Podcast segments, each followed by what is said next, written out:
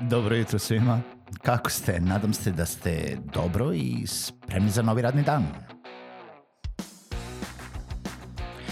Pozdrav svima i dobrodošli na podcast Male pobede, stari novi podcast koji, well, koji je tu da bi vam kroz pitanje i savete dao motivaciju, pokrenuo vas u pozitivnom smeru i pomogao da ovaj dan počne bolje, jače i možda čak i zabavnije. Moje ime je Željko Crnjaković.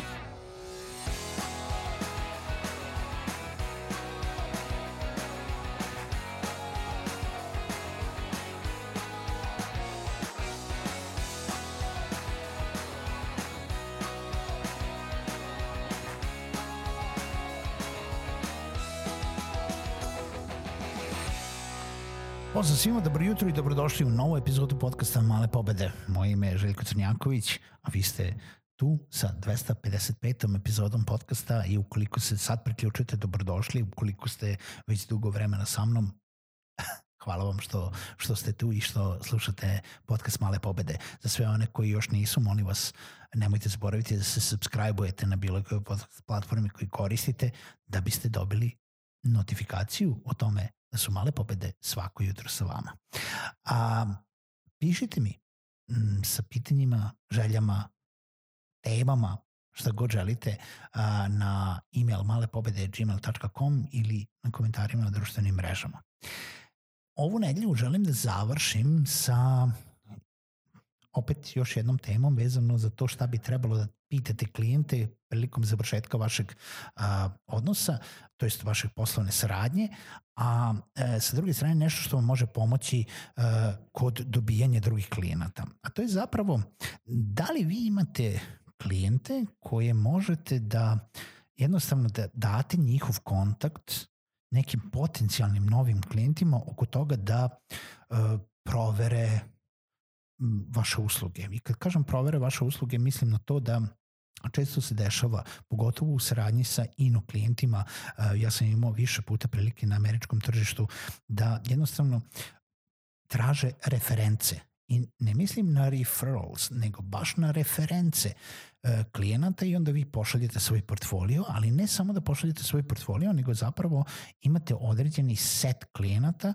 kontakata koji možete da prosledite nekom potencijalnom klijentu koji može direktno da ih nazove, znači osoba neka nova iz kompanije, neka nova kompanija koja vrši upit za vaše usluge, će direktno pozvati ili kontaktirati putem maila vašeg starog klijenta koji će potvrditi da je radio projekat sa vama i kazati koliko je bio zadovoljan sa vašim uslugama.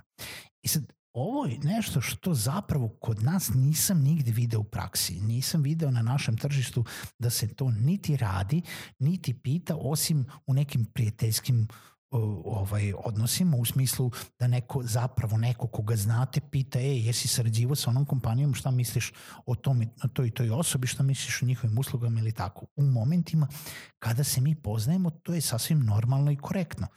Ali nisam još doživeo da me zove neka kompanija uh, ili da ja zovem neku kompaniju koju ne poznajem zato da bi proverio usluge neke treće kompanije. E sad, ukoliko radite usluge na ino tržištu, opet kažem, posebno na američkom, za istok nisam siguran, evo nek me neko ispravi, nek napišu u komentarima da li ima iskustva sa ovaj, istočnim zemljama, da, li se, da li je to praksa, da li se to radi, da li se to dešava, ali u Americi to nije ništa nešto nečuveno. Znači, nije nemoguće da se to radi, nije nemoguće da se to pita, da, da recimo neki lead traži od vas te reference i nije nemoguće da će oni koje pozovu reći neke dobre stvari o vama. E sad, da bi vi imali taj neki set referenci koje možete da date tom nekom potencijalnom klijentu, zapravo je bitno da imate tu neku saglasnost vašeg starog klijenta da smete da prosledite njihov kontakt. I sad kod nas je opet to mnogo zatvorenije nego na ino tržištu. Mi ne volimo kada daju naše kontakte bez pitanja. Mi niko ne voli to. Ne vole ni oni, ali nekako bolje podnose nego mi. Mi čak i kažemo, sad kad bi ja vas pitao da li smem da dajem vaš kontakt nekoj trećoj firmi tamo za koju ne znate, u 99% slučajeva ja mislim da bi vi rekli, pa ajde nemoj. Nemoj bez toga da me prvo pitaš. Ali tipa pitaš me svaki put kada to treba da, uh, da se uradi. E sad, za jedno tržište, opet kažem, treba da ih pitate da li biste bili voljni da budete u tom nekom setu referenci koji mogu da iskoristim. Može to da bude isključivo samo putem e-maila, može da bude uh, možda čak i telefonskim pozivom. Znači, vi kažete meni do koje mere smem da dam vaše informacije. I sa te strane, onda kada šaljete taj neki set referenci, pored vašeg portfolija, vi ćete uključiti recimo set od 3-4 e, kontakt firme sa kontakt osobama gde ćete imenom i prezimenom imenovati osobu, znači ne znam, John Smith u toj i toj kompaniji, možete kontaktirati na mail johnsmith at takompanija.com i pitati ga kako je zadovoljan sa mojim uslugama.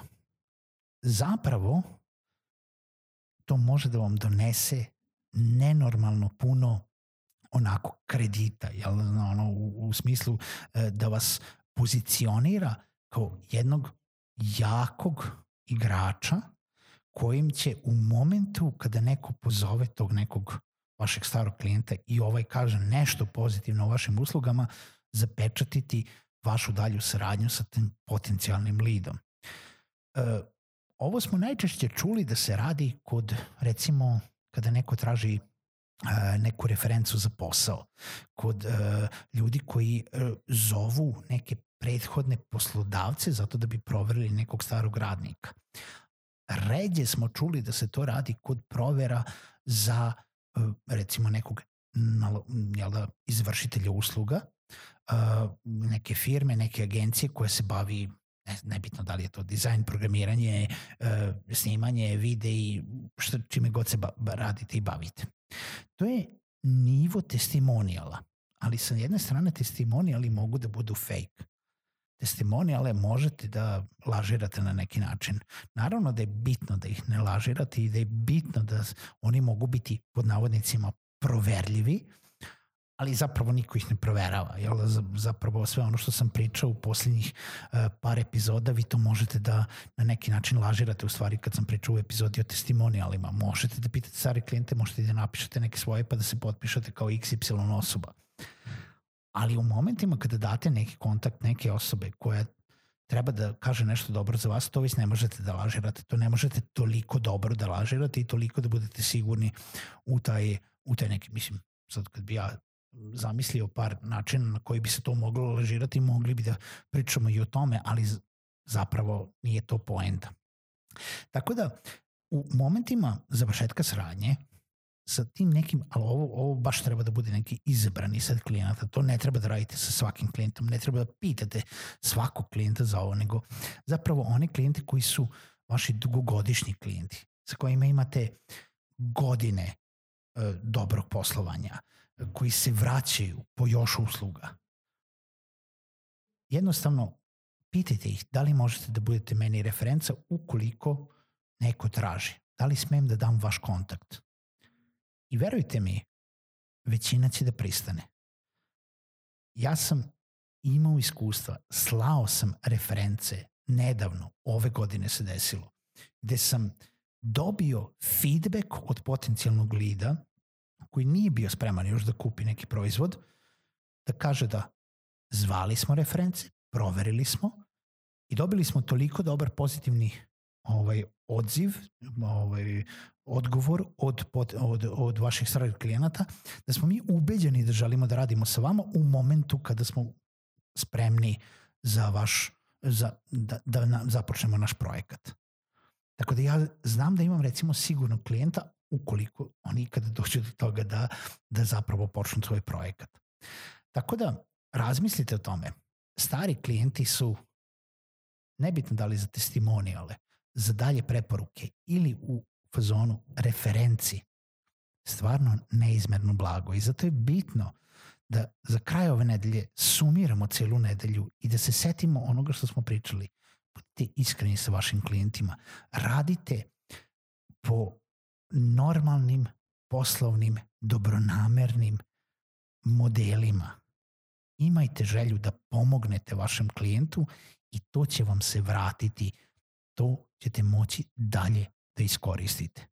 Čujemo se u nekoj narednoj epizodi sledeće nedelje podcastu Male pobede.